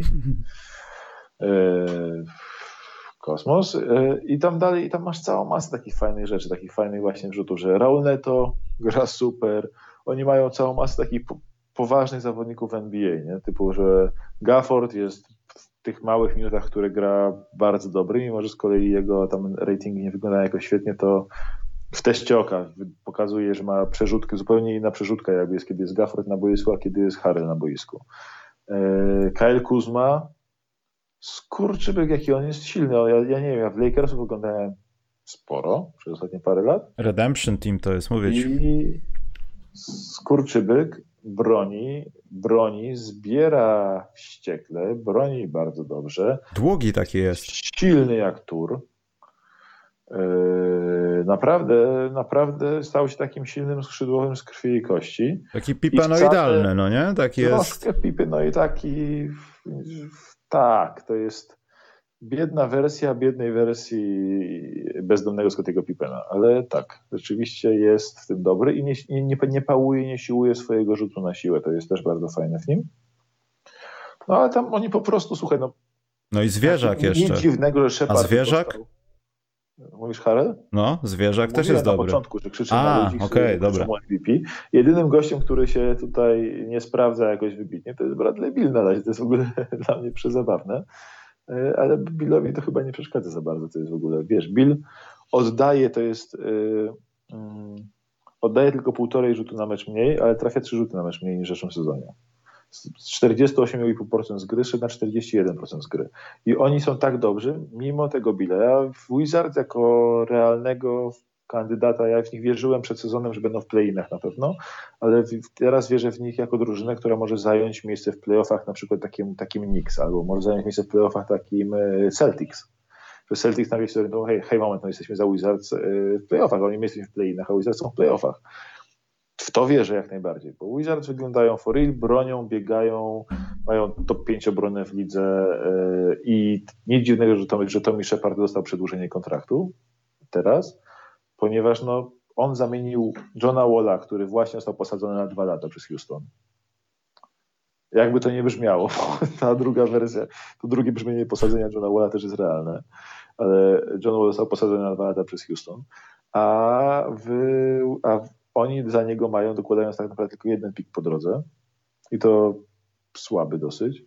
Mają y, tak, dostali, de facto dostali Gafforda, KCP, Dinwidiego, Holiday'a i Kuzmę. I Harrera. Tak, sześciu, tak, tak. sześciu dobrych zawodników. I tą głębią po prostu, tak jak cię, ja przed sezonem nawet o tym pisałem, tą głębią po prostu zajeżdżają drużyny. Bo wychodzi, wychodzi jeden pies w obronie, ten schodzi, wchodzi następny, wchodzi Aaron Holiday, który nagle ma problem z każdym gościem, którego musi kryć. Aaron Holiday po prostu miał z tobą osobisty problem. I mimo, że nie ma tam, brakuje momentami skilla, to po prostu gra taki napalony na ciebie, y, jak, nie wiem, jest tylko kilku zawodników widzę, którzy tak przychodzą po prostu i mówią, dobra stary, skrzywdziłeś mi matkę, ty, ale ja nie znam twojej matki, co, z tego skrzywdziłeś? Zniszczy cię. Obraziłeś się, powiedziałeś, po, powiedziałeś, że jest pip. Nigdy tego nie powiedziałem. I teraz jeszcze kłamiesz. I on tak wychodzi po prostu. Tak wychodzi taki nakręcony, wychodzi taki nakręcony jak ten gość, co tam był współlokatorem Chandlera w Przyjaciołach kiedyś. No, no, no. Co, co, mu, co, co, co twierdził, że Chandler złotą rybkę zjadł i teraz jeszcze kłamie. To właśnie tak. e, dokładnie tak wychodzi, tak wychodzi Aaron Holiday jak każdego rywala po prostu. Jest taki zirytowany już po prostu jego twarzą w momencie wejścia na boisko. Mm. Wizards też, duży plusik. No i Cleveland plusik taki na odchodnym, bo Cleveland zaraz poleci w dół e, rankingu. Tak, ja też to chciałem powiedzieć, że to przynajmniej za dokonania, bo, bo to nie, już nie potrwa. Trzeba im dać tego plusika, bo że mo, mo, gigantyczny plus dla Mobleya, bo jeśli on wróci w takiej formie po tej kontuzji łokcia, mimo że ta kontuzja się mu bardzo w tym ostatnim meczu poszedł 0 na 11, miał taki pierwszy rookie, rookie check, co, co się dzieje, kiedy ci mecz nie idzie. Mm. I 0 na 11 z gry od razu zrobił, ale jeśli on będzie grał tak, jak grał przed kontuzją, to ja sobie nie wyobrażam, żeby on nie był Rookie of the Year, bo Kate będzie powolutku się przychodził. I on jest, Kate już jest już dobry, ale będzie powolutku przychodził. Ale Mobley jest najlepszym, był najlepszym do momentu kontuzji, był najlepszym graczem drużyny, która miała bilans playoffowy. Był najlepszym graczem, był yy, wyraźnie po prostu był takim drugościem po obu stronach parkietu, zależało od niego najwięcej.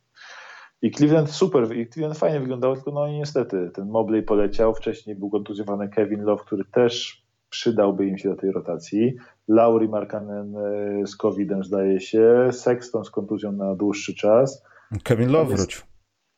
Kevin Love wrócił teraz, no ale to ale mówię, masz, masz cały czas masz tam serię, masę, masę kontuzji jakby i zabraknie ludzi do grania w końcu. Zabraknie ludzi do grania i oni w końcu yy, w końcu spadną w dół tej tabeli. No i więc trzeba dać im teraz plusa, bo zaraz będziemy już tak mówić o nich jako drużynie, która walczy o play-iny, a nie drużynie, która na początku zaskoczyła wszystkich. I ten ich duet Dwie Wieże z Jaretem Allenem wyglądał fantastycznie właśnie przez tą uniwersalność Mobleya. Eee, no cóż, myślę, że Allen bez Mobleya będzie wyglądał dużo gorzej teraz. Dobrze, to ja dorzucę do tego wiadra z plusikami, bo zróbmy jakieś krótkie minusiki, odpowiedzmy na kilka pytań bo to blisko godzina. Moje wiadro plusików yy, posiada w sobie jedną ze bardziej zaskakujących statystyk. Nawet ludzi, którzy oglądają codziennie NBA. Kto ma Maciek najlepszą obranę w NBA tak statystycznie? Warriors. A kto Jednym z ważniejszych czynników w obronie jest to, że dopuszczasz jak najmniej punktów zdobytych przez przeciwnika. Tak Warriors na nie są. Warriors. Na 100 posiadań. Ja mówię o statystykach dla normalnych ludzi, Maciek. To stawiam, że Clippers tak. Nie, Denver Nuggets. Ale mają wolne tempo. Ale tempo, nie tempo, dopuszczają 98,9 OPPG, Maciek. I tak. to jest plus. Bo nikt o tym nie mówi, to pewnie jest jakiś błąd na stronie statystyczny. On trwa od jakiegoś czasu. Już około, około 3-4 dni ja to widzę. To jest zaleta kontuzji Michaela Portera Jr. Też chciałem to powiedzieć, ale nie chciałem tego powiedzieć, bo zaraz będzie dyskusja. Michał, masz go w każdej lidze fantazy, jesteś debilem. Dlatego nie powiedziałem tego. Idąc dalej... Coś tam, coś tam za niego zaproponuję, żebyś nie cierpiał. No to ja ci zaproponuję nic nie proponować. Yy... Oklahoma. To jest plus w minusie, bo ten plan się nie wiedzie. Mieli mieć 14 porażek. 14 zwycięstw. A mają 6-8 bilans.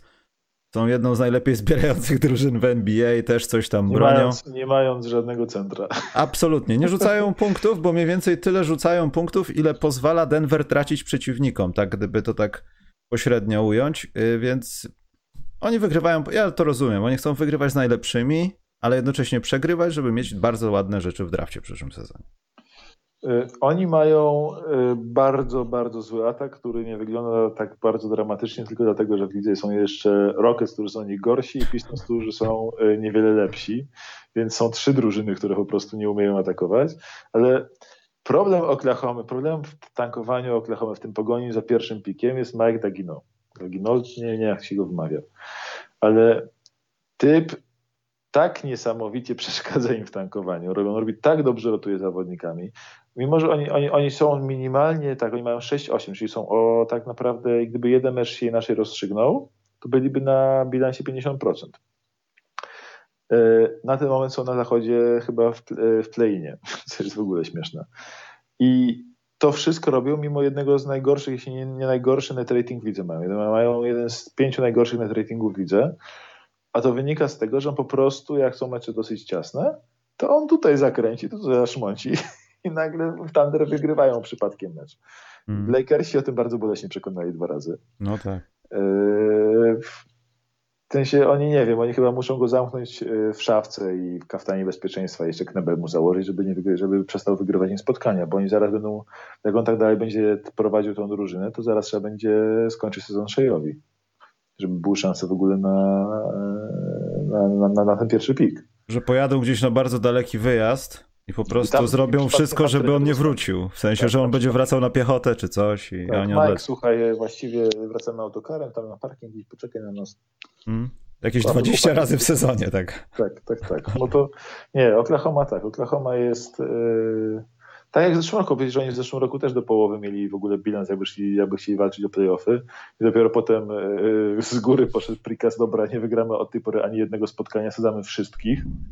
A jak wygrasz jedno spotkanie, Mike, to wylatujesz z, wylatujesz z drużyny, więc ja wiem, że tam coś wygrali po drodze, ale ja cały czas pamiętam ten sezon jako, że, że skończyli ranem 0-30. Y, ostatnie 30 spotkań. Wiem, że coś tam wygrali, ale tak pamiętam y, jakby y, emocjonalnie to, że przegrali wszystko w ostatniej drugiej połowie sezonu. I Oklahoma, a jeszcze mały jeszcze plusik, duży, bardzo duży plusik dla konferencji wschodniej, ponieważ konferencja wschodnia jest w tym roku dużo mocniejsza od zachodniej. To tak nie trochę, dużo mocniejsza od zachodniej. Jest konferencja wschodnia, 13 drużyn bije się o playoffy tam, tak na poważnie. Mamy z 8 do 10 bardzo dobrych drużyn. Myślę, że 10, każda z 10 najlepszych drużyn wschodu byłaby, każda z 12 najlepszych drużyn wschodu byłaby w play-inie i walczyłaby o playoffy na zachodzie. To jest odwrotna sytuacja niż przez ostatnie parę lat. Wschód jest dużo mocniejszy od zachodu. Te gry międzykonferencyjne mniej więcej wychodzą na razie na remis, ale tylko dlatego, że na razie dużo więcej zachód grał u siebie e, ze wschodem niż, e, niż wschód. No i jak to się odwróci, jak teraz te parę najlepszych drużyn zachodu ma takie te tripy po konferencji wschodniej, więc myślę, że zaraz się to bardzo odwróci. Konferencja wschodnia w tym roku powinna dramatycznie wygrać taki rywalizację konferencji. Zresztą myślę, że jak pięknie by nie byli Warriors, wszyscy się zgadzają co do tego, że dwóch głównych faworytów do mistrzostwa jest cały czas na, zachodzie, na, na wschodzie. Mm. Dobrze, przejdźmy do minusów. Ja mam dwa takie lekkie. Nie chcę nikogo dzisiaj upadlać. E, trochę minus dla Atlanty, że ja rozumiem, to jest różnie. Jesteś w rytmie, nie jesteś w rytmie, gorzej grasz, tam DeAndre Hunter, nie masz ludzi, Cam Reddish jest dobry, to on może sobie pograć, ale to tak za wiele nic nie daje, ale ja nie wiem, czytam w wielu miejscach, gdzieś w amerykańskich mediach oglądam, że ludzie czepiają się Trey Younga o to, że on może jednak w sezonie regularnym odkrył tajemnicę, że mu się trochę nie chce. To jest dla mnie sam minus w minusie. Natomiast uważam, że Trey Young po prostu nie jest jeszcze w formie takiej, żeby, żeby Atlanta była 9-5, a nie 5-9. Ja... I nie wiem, ile to potrwa. To może potrwać do świąt, ale no też nie doszukiwałbym się jakiejś konspiracji tutaj wielkiej, no ale tak po prostu jest, nie ma na to większego wytłumaczenia. To nie jest rzecz piłki, rzecz nie gwizdania fauli. To, to, nie w tym problem, po prostu. Rytmu, gry, chęci może też trochę, no bo może odkrył, że na playoffy bliżej marca będę lepszy tam. Kwietnia. Takie mam pytanie, który zawodnik tam gra Żaden. tyle? Nie, nie. Który zawodnik tam gra tyle, ile by oczekiwał, w sensie, bo to jest tak, że wiadomo, masz roleplayerów, którzy oczekują, masz zakładać, że masz 20 hmm. minut na mecz. Który zawodnik w Atlancie gra tyle poza Trejangiem, który nie czuje, że gra za mało minut? Oni mają za dużo ludzi, mam wrażenie. Oni mają bardzo, bardzo dużo ludzi do grania. Im ta operacja DeAndre Huntera spadła właściwie z nieba, bo mają jednego gościa mniej, który potrzebuje czasu na boisku. Oni mają y, tam, e, przecież tam masz Young, e, Huerter, już nie pamiętam, e, twój Young, Wright. E, no Wrighta muszą dopychać nogą. Lou Williams, Huerter, Cam, Cam Reddish, Hunter, Jalen Johnson, Bogdan Bogdanowicz, Galinari wrócił teraz, John Collins. Solomon Hill jest jeszcze przecież. Solomon Hill jeszcze też zasługuje na jakieś minuty. Georgie Dien gra bardzo dobrze jak gra. On je Kongwu zaraz wróci. Widzisz, tam po prostu jest za dużo ludzi. Tam mm. Oni powinni, oni, szkoda, że oni powinni zrobić jakiś deal, żeby po prostu wpakować, nie wiem, czterech tych talenciaków. Atlantę 2 zrobić. Gwiazdę. Atlantę 2 zrobić jeszcze w NBA. Atlanta, dwa, Atlanta wypuściła dwa składy do NBA, to by ten drugi skład był cały czas lepszy od Detroit Po to by był. I pewnie każdy z tych składów miałby lepszy bilans teraz y, w tym sezonie niż y, cała główna Atlanta, gdzie oni po prostu, myślę, są wszyscy niezadowoleni, bo goście, którzy powinni grać, Huerter, który powinien grać 30 minut na mecz, gra 15. I, I, mam wrażenie, że to jest problem Atlanty. Oni to ogarną, oni się pozbierają i zaczną grać y, dobrą koszykówkę i myślę, że jeszcze się odbiją spokojnie. Oni też zresztą cały czas tam, tam wiszą na, na dole, tak, tak jak Bucks, którzy też się na razie wiozą, tylko na kontuzjach z kolei. Ale Hawks myślę, to jest chwila, moment i zaraz wrócą. E, oni już wygrali teraz trzy spotkania z rzędu. Mieli tam taki bilans 4-9, co wyglądało słabo, teraz wygrali trzy z rzędu. Myślę, zaraz to będzie drużyna, która będzie tam w top, w top 6 e, wschodu i tam zostanie. Oni się roz, roz, rozruszają. No i dwa moje ostatnie, że sprawa z, nawet z Irvingiem nie. Z Irvingiem już mnie przestało absolutnie to obchodzić. Kompletnie o tym nie myślę. Mało tego, mało się mówi o sytuacji y, z Marvinem Bagleyem, która jest tak samo zagadkowa, może nawet bardziej niż sprawa no, Irvinga. Oni Bagleya wywalili z rotacji, po prostu stwierdzili, że chcą go sprzedać i nie będą im grać, póki go nie sprzedadzą. Ale nie chodzi mi o powód, chodzi mi o wszystko związane z rodziną Bagleyów. Kiedyś musimy o tym pogadać, przecież to jest cała rodzina gości, którzy byli skautowani razem. Ich tam trzech czy czterech jest, ja już nie pamiętam. Tak. Jeden I... się wycofał z draftu w tym roku i będzie Tak, właśnie. Marvin Bagley albo jest niegotowy do gry w NBA, albo nigdy nie był, albo ma kompletnego pecha, albo ma kłopoty z głową. No nie wiem, taki taki Jolly Locafor, powiedzmy, trochę. Troszkę tak i troszkę ten sam case yy, oczekiwań. Ale y, nie zbaczając ten temat, możemy następną razem o tym pogadać, bo to jest bardzo ciekawe. Nikt mało osób o tym mówi. To o ile Irving mnie kompletnie nie, to już mam dosyć tego z Simonsem. Niech oni go kompletnie wyrzucą, albo niech on gra. Już mnie to zaczyna tak irytować, że nie widzę chłopiny na boisku z jakichś jasnych przyczyn. Nawet nie potrafię dobrze wytłumaczyć dlaczego. A druga Tam, rzecz, no. no. O Simonsie był ostatnio, chyba bodajże Bill Simons ciekawie mówił, tam generalnie jest cały, cały temat taki, że oni tak. E, oni po pierwsze, oni myśleli, że oni już sprzedali za Hardena. Powiedzieli mu, żeby szukał nowego domu w Houston.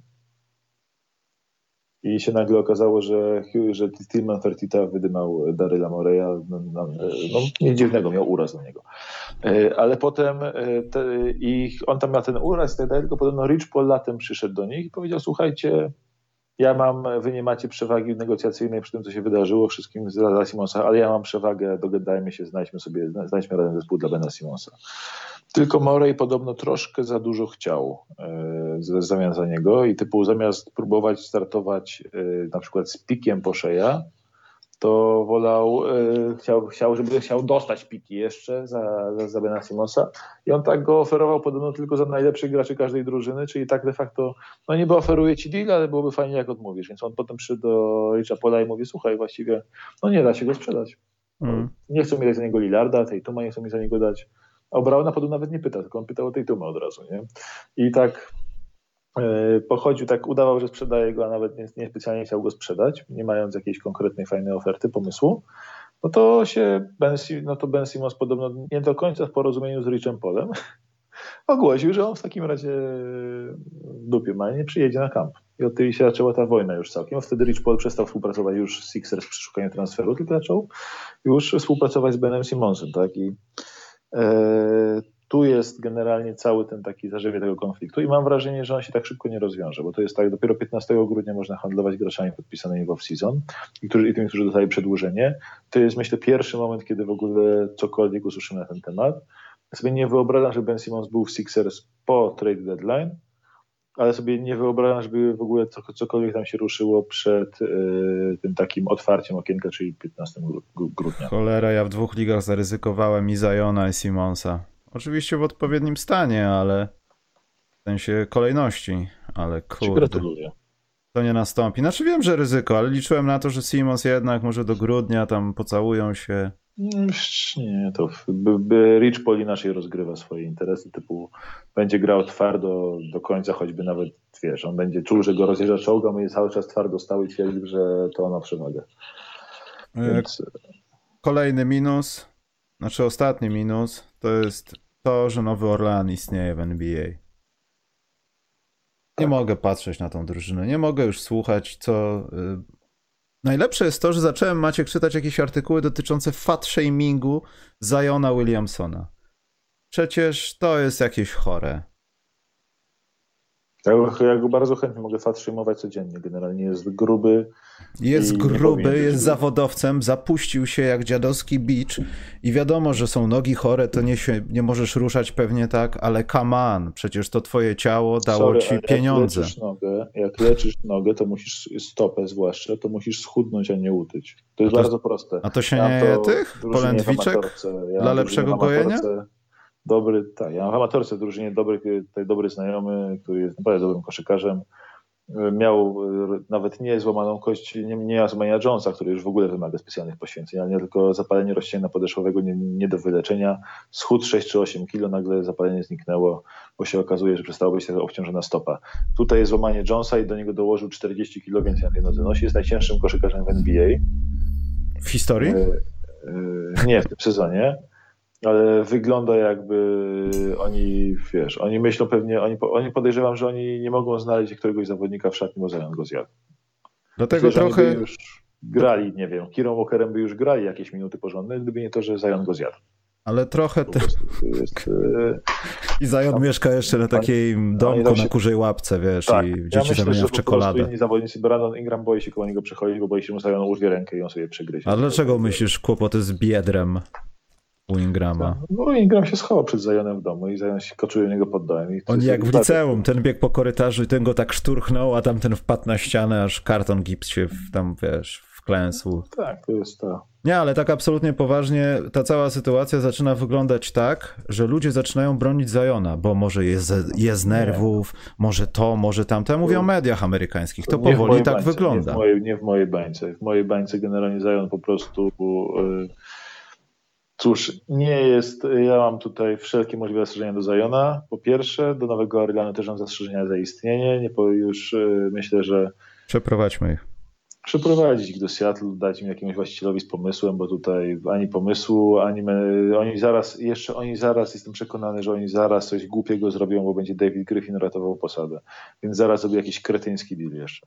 Kurczę, zagrałbym w tego menadżera z najnowszej edycji NBA 2K, żeby zrobić coś z Nowym Orleanem. Wypieprzyć wszystkich. Tak, ale no mówię, ja, ja się boję jeszcze, ja się na miejscu Nowego Orleanu bałbym, bałbym tego, że ich menedżer zrobi się aktywny.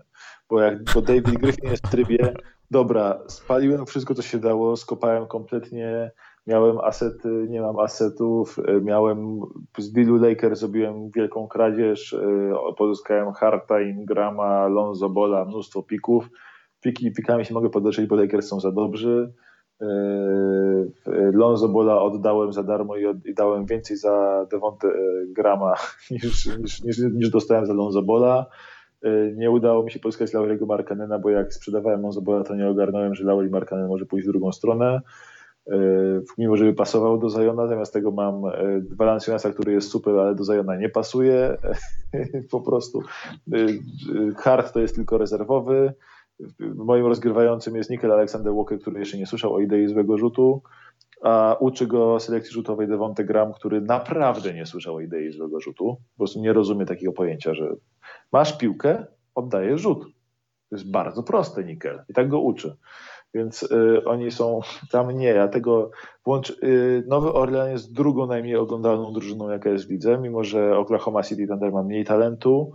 Jest parę drużyn, które mają mniej talentu, ale Pelicans ratuje tylko to, że bardziej od nich nie da się oglądać drużyny, która miała być super fajna, czyli Houston Rockets. To jest mój monstrualny minus, bo ich się kurczę nie da oglądać. Włączasz Houston Rockets, oni motyla mają noga.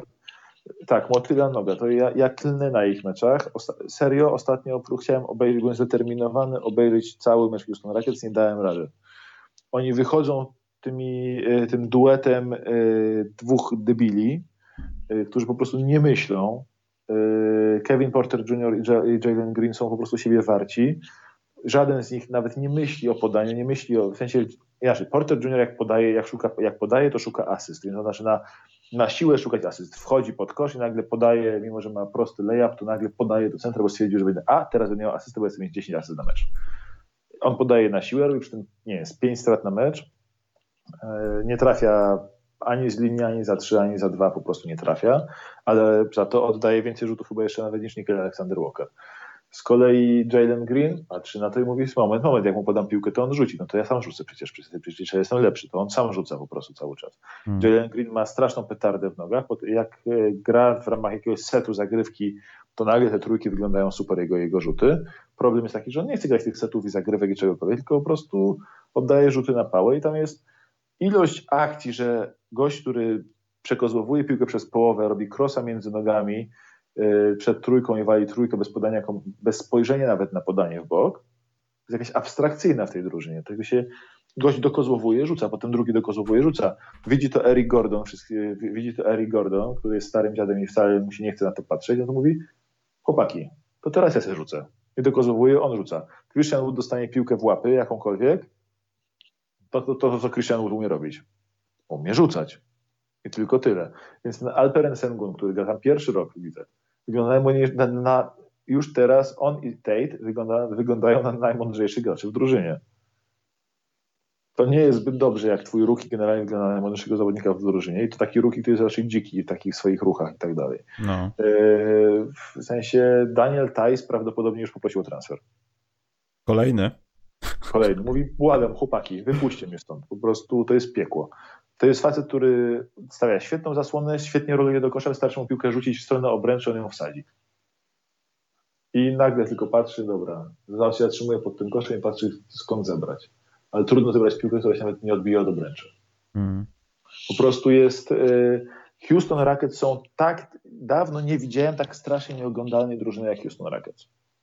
Po prostu są koszmarni y, i y, oni są pewnie są y, w dole podań po asystach. Oczywiście przy okazji y, atak ich jest koszmarny, może mieli być nieźli w ataku i w obronie mieli być fatalni. Oni nawet coś tam bronią, ale w ataku są dramatycznie źle, dramatycznie źli i mam wrażenie, że Silas powinien wylecieć z posady trenera tylko i wyłącznie za to chociażby, na co pozwala swoim gardom, bo nie wierzę, że to pozwala im się rozwijać. Nie wierzę, że Jalen Green pielęgnuje swoje najgorsze nawyki Kevin Porter Jr. pielęgnuje swoje najgorsze nawyki, że oni się w jakikolwiek sposób rozwijają y, dla wygrywania. Po prostu nie wierzę w to kompletnie i ten trener powinien wylecieć. Tak samo jak trener Detroit powinien wylecieć z kolei za to, że yy, sadza dobrych graczy w drużynie dla, na rzecz minut dla gównianego Treya Lysa i Korego Josepha i po prostu jakby, nie wiem, e, to są chyba jego dzieci e, nieślubne, dwójka, bo gra po prostu nimi zamiast dobrymi graczami albo na przykład e, zamiast rozdzielać minuty Cade'a i Case'a, żeby oni mogli każdy mógł sobie pograć porządnie jako rozgrywający, to im wrzuca na łeb Korego Josepha, który im zabiera piłkę i nie podaje jeszcze. To tak jak Dwayne Casey powinien za to polecieć, to Dwayne Casey chociaż tej drużynie Pistons dał stara się im jakąś szczepić mentalność i tak dalej. Silas po prostu mówi grajcie, macie piłkę, grajcie. Ja podejrzewam, że treningi wyglądają tak, jak się kiedyś przychodziło na e, lekcje, nie wiem, e, etyki w podstawówce i się przychodziło i mówisz tam jakieś etyki, czy jakiejś, nie wiem, e, wiedzy o społeczeństwie i mówisz, a panie nauczycielu, bardzo prosimy, wyjdźmy na dwór, bo jest taka piękna pogoda. I taka ta starsza pani, na przykład, która tam się zajmowała, tylko się wszystkie, wszyscy nie odpieprzyli, mówi, dobra, wychodzimy na dwór, na boisko, tam spędzimy lekcję i tam, i tam już, dawa, już dawała piłkę i się mówiło, dobra, to my sobie pogramy. I sobie rzucała piłkę i się, i się grało.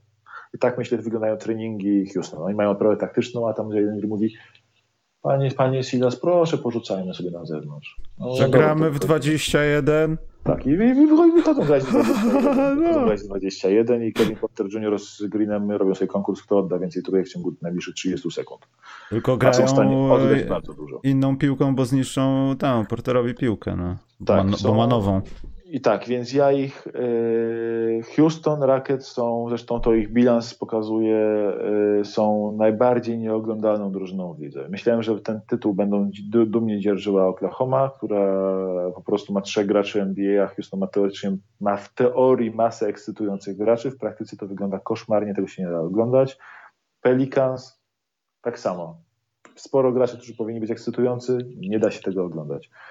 Pistons, chociaż coś tam grają. Pistons też mam dla nich dużego minusa, jako że Pistons y, mieli mieć chociaż dobry coś z której strony parkietu, ale z drugiej strony Pistons z Cade'em mają bilans 50%, a bez Cade'a są 0,6, więc chociaż tyle, że Pistons z Cade'em wyglądają jak drużyna NBA. Y, Pelicans i Rockets w tym momencie nie wyglądają jak cokolwiek, co ma cokolwiek wspólnego z NBA. Oni w G-League by nie wygrywali spotkań, by tylko wszystkich denerwowali. Dobrze, Maciek, to ty oddychaj, a ja znajdę jakieś dwa pytanka. Dobrze. Yy, jakieś ciekawe pytanka.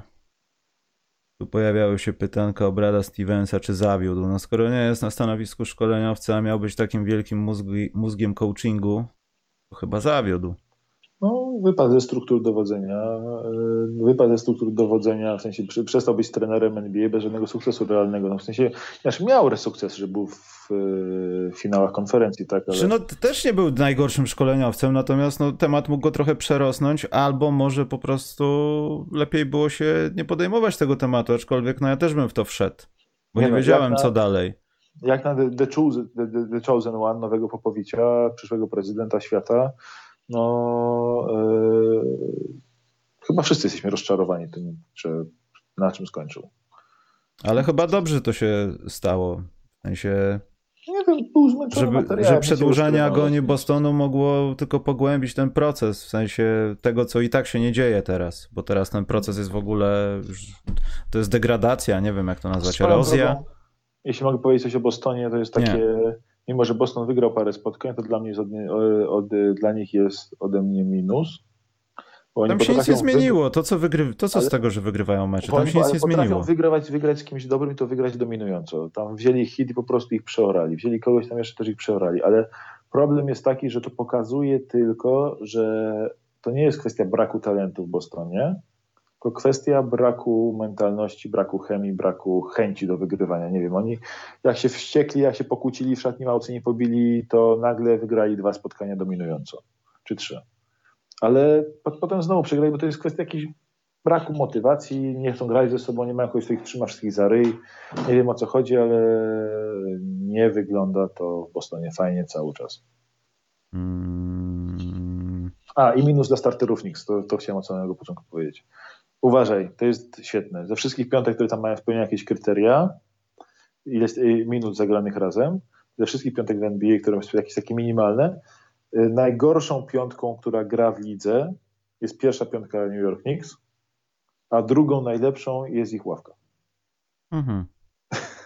To się wszystko zgadza. To jest absolutnie, jest to absolutnie w 100% zrozumiałe przecież. Jest to absolutnie posrane. Tak właśnie powinno być w każdej drużynie, na przykład w Lakers, dla których też minus, bo nie wyobrażam, a nieważne, nie będę się pastwił nad chorymi ludźmi, ale z drugiej strony Russell Westbrooku, a, a, a, Antoni Davisie, przyzywam was. Gdzie wy jesteście, chłopaki? Davis gra, Westbrook tak ma. Wszyscy was absolutnie, no po prostu, tak jak cytując klasyka z killerów, że na policjanta to można napluć na ulicy, Stopczyk. To ja odwrócę i powiem, że duży plus dla Horton, Hortona Takera, Taylana Hortona Takera, który wygląda fantastycznie po, po powrocie. No ale on też wykorzystuje tą, tą, tą, e, to, że no, ten skład jest taki, jaki jest i tam głębi, głębi to z różdżką nawet nie, nie znajdziesz ale wody wygląda, na tej pustyni. jakby jego kontrakt był, e, jakby był tak jak się wydawało latem, że został niedopłacony i na to wygląda dalej, ale Rich Paul po prostu pewnie pod stołem jakiś tam jacht od Lebrona przekazał.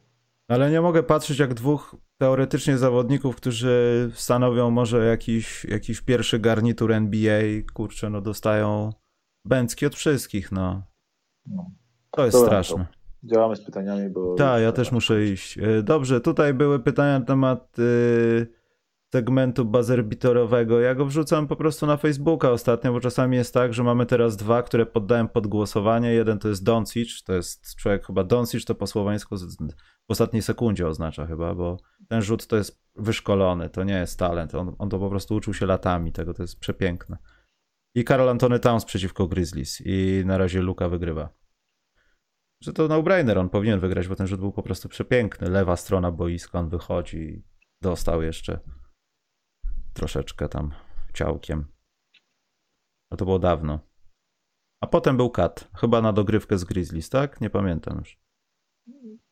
Coś takiego. Eee, kto waszym zdaniem, Endwan pytał, kto waszym zdaniem najbardziej zmieni kurs? W tym sensie, że świetnie grający teraz spadną znacząco i odwrotnie. Która z pikujących drużyn nagle się odmieni? Mm, to tak y, najprościej, że Cavs polecą w dół, no jak w dół, w dół? Poniżej plane? Tak, myślę, że oni się do play nie dostaną. Mhm. Myślę, że jest 10 drużyn na przykład na wschodzie, e, a z kolei Hawks i Bucks pójdą do góry, aż do, aż do top 4 e, schodu spokojnie. I 76ers. To na wschodzie, a na zachodzie e, na zachodzie Lakersi. Ja stawiam, że Lakersi. Wróci LeBron. Będzie dobrze. Wróci LeBron będzie dobrze, ale no, tam nie ma żadnej drużyny, która by tak nieoczekiwanie pikowała, która by była nie do utrzymania. Wiesz co? Inaczej. Powiem, że Dallas myśl, Dallas powinni spaść dość wyraźnie. Że Dallas wylecą aż do play-inów. Tego nie jestem pewien. Wylecą aż do play-inów, bo oni są mają yy, oni wygrali, oni mają jakieś abstrakcyjne w ogóle ten, oni mają 9-5 bilans, ale mają jeden z 10 najgorszych plus minusów w lidze. O. I e, wydaje się, że po prostu to się wydaje, że troszkę jest fartowny ten ich bilans. I, I, myślę, że jeśli ktoś ma spaść z tej, z tej top 6 zachodu, bo na wschodzie to jest łatwe, że tutaj myślę, że Cleveland poleci i Hornets też spadną trochę w dół, bo oni już y, troszkę im się skończyło ten taki mm, miesiąc miodowy z, z tym, z Milesem Bridgesem wersji Sean Marion. A, e, On ma przynajmniej a, bark. Daj spokój. Tak, a co do zachodu, tam jest generalnie ten tam drużyny, które oczekiwaliśmy w czołówce, są w czołówce. No, wiadomo, że Thunder spadną na ryj, tak? Ale tam nie ma kto awansować z kolei w górę. Tam jest, na zachodzie jest, to jest wyścig kulawych, o, o, play to jest wyścig kulawych. Kulawych ze ślepymi. Może Wiesz, Minnesota tam... trochę pójdzie do góry, korzystając no, na. Na San Antonio trochę, o ale tego... O te playiny masz, masz 9 drużyn, które powiedzmy są w tych playinach w miarę zasłużenie.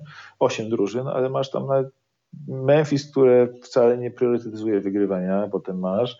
Masz Minnesota, która jest po prostu gówniana, Sacramento Kings, którzy ciągle mają sześciu centrów i przez to nie mogą grać nawet, yy, nie mogą grać na czwórce. Harrisonem Barnesem, po prostu nie mają innego skrzydłowego, który mógłby, mógł grać na trójce. Oni naprawdę po prostu nie mają graczy na obwodzie, więc oni hmm. muszą grać Barnesem na trójce, żeby na czwórce mógł grać center, czyli Chimezimetu i potem na centrze mógł grać center, czyli Holmes, ale oni mają graczy i Kings i tak są faworytem chyba do play-in, bo muszą tylko wyprzedzić Minnesota i Spurs. A no że Barnes Thunder. gra w meczach, gdzie na trójce jest przeważnie, na dwójce, na trójce ktoś jest taki podobny do niego, no to on tam gra mecze, bo jest trochę wyższy od przeciwników zawsze. Więc tam sobie może pozwolić na jakieś rzuciki i nagle wychodzi, że Harrison Barnes jest gwiazdą, tak? Tutaj ten początek sezonu, nie? A potem jakieś takie serie czterech porażek, brzydkie rzeczy. Nie no, Kings, ale słuchaj, no generalnie ten dół zachodu jest y, żenująco słaby i tam wiadomo, że Thunder polecą w dół, ale kurczę, będziemy mieć drużynę w playoffach, jedną z trzech drużyn, Kings, Spurs, Wolves. To szanujmy się. w sensie, to po prostu na zachodzie powinno być 9 drużyn w, play, 9 drużyn w playoffach i play-inach. No to już jest chamskie, to już jest chamskie. To, więc, to jest fat y, shaming, tak. Maciek, już. To jest, to jest y, shit shaming, bym powiedział. shit shaming. I, e, no i generalnie Thunder na zachodzie polecą w dół, a kto w górę tam pójdzie, to mówię, może Lakers. To jest jedyna drużyna, która jest poniżej swojego realnego potencjału teraz. Dobrze, ostatnie pytanie mam dobre od y, porucznika Zubka. Nie no, Zubek. Pytał, czy kontuzja Lenarda w pewnym sensie nie uratowała kariery George'a po absencji Kawiego? Kawaja. Poprowadził Clippers do West Conference Finals. W tym roku gra najlepszy sezon w karierze. Jako samodzielny lider wygląda lepiej.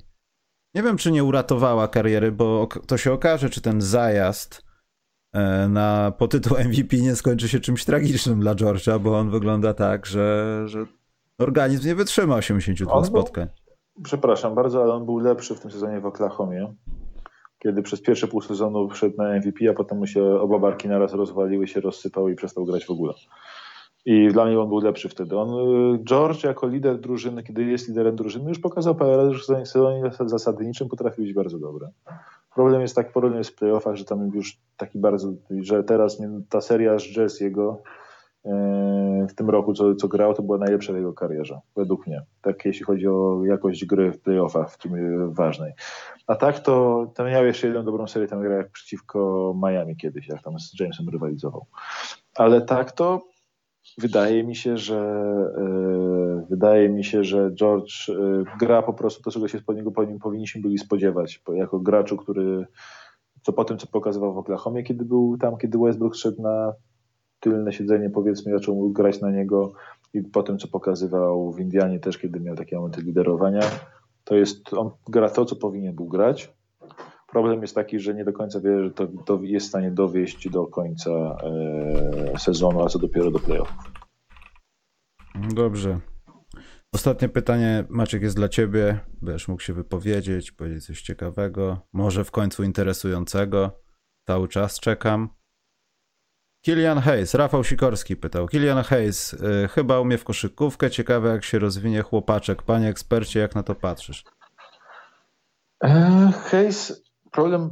Będę za godzinę, słuchajcie. Ja idę nie, do Tesco. To będzie szybko, bo z Hayesem ja na razie staram Z Hayesem jestem. E, Hayes dostaje ode mnie efektem Stanleya Johnsona, czyli po tym jak się sparzyłem na Stanleyu Johnsonie, którego byłem fanem przed draftem. Maciek, ale wszyscy teraz, cię ostrzegali o Stanleyu Johnsonie, w tym też ja. Teraz, mimo że jestem fanem, że byłem Hayesa przed draftem, to teraz cały czas staram się być bardzo sceptyczny, nawet jak dobrze gra.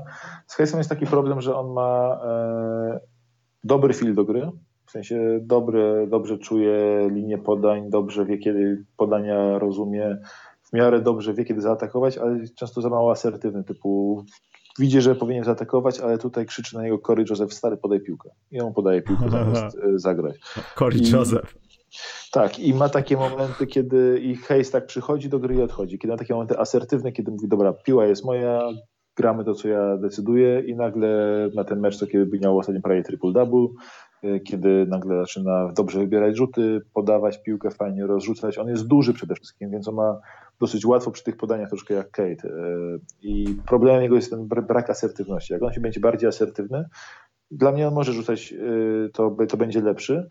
Jego drugim problemem, to ma trzy problemy nawet, jego drugim problemem jest absolutnie Alkohol. fatalne kończenie w paint i przy obręczy na razie jestem słaby. On trafił, on oddał więcej rzutów za dwa niż za trzy, a to trafił więcej rzutów za trzy niż za dwa. E, ma dużo gorszą skuteczność za dwa niż za trzy. To jest, e, myślę, to jest niedopuszczalne e, u gracza NBA. Więc to jest jego problem, że musi zacząć trafiać, bo te jego floatery, które oddaje, często wyglądają bardzo dobrze, tylko ich nie trafia. Więc musi być bardziej zdecydowany przy obręczy. Wydaje mi się, że problem jest jego taki, że w Europie, kiedy przy obręczy kończył, był po prostu większy od tych gości, którzy go kryli. I był w stanie skończyć przez nich. A tutaj nagle ma gości, którzy są co najmniej jego gabarytów, a potrafią go przeskoczyć. On nie ma takiego, takiego pieprznięcia w kroku, że depnie i nagle da pakę nad kimś. No, to nie jest gra hejca. To jest jego drugi problem, ale myślę, że to, jest, to przyjdzie z czasem, jak się jak nabierze troszkę skillu jakby w tych wykończeniach, w znajdowaniu rzutów. A trzeci problem Hayesa to jest Dwayne Casey, który zamiast dawać mu. To z tym challenge'em to jest jakaś historia natury, która powinna być czytana przez y, tą czubównę. Panią. To co, to, co ja napisałem tam?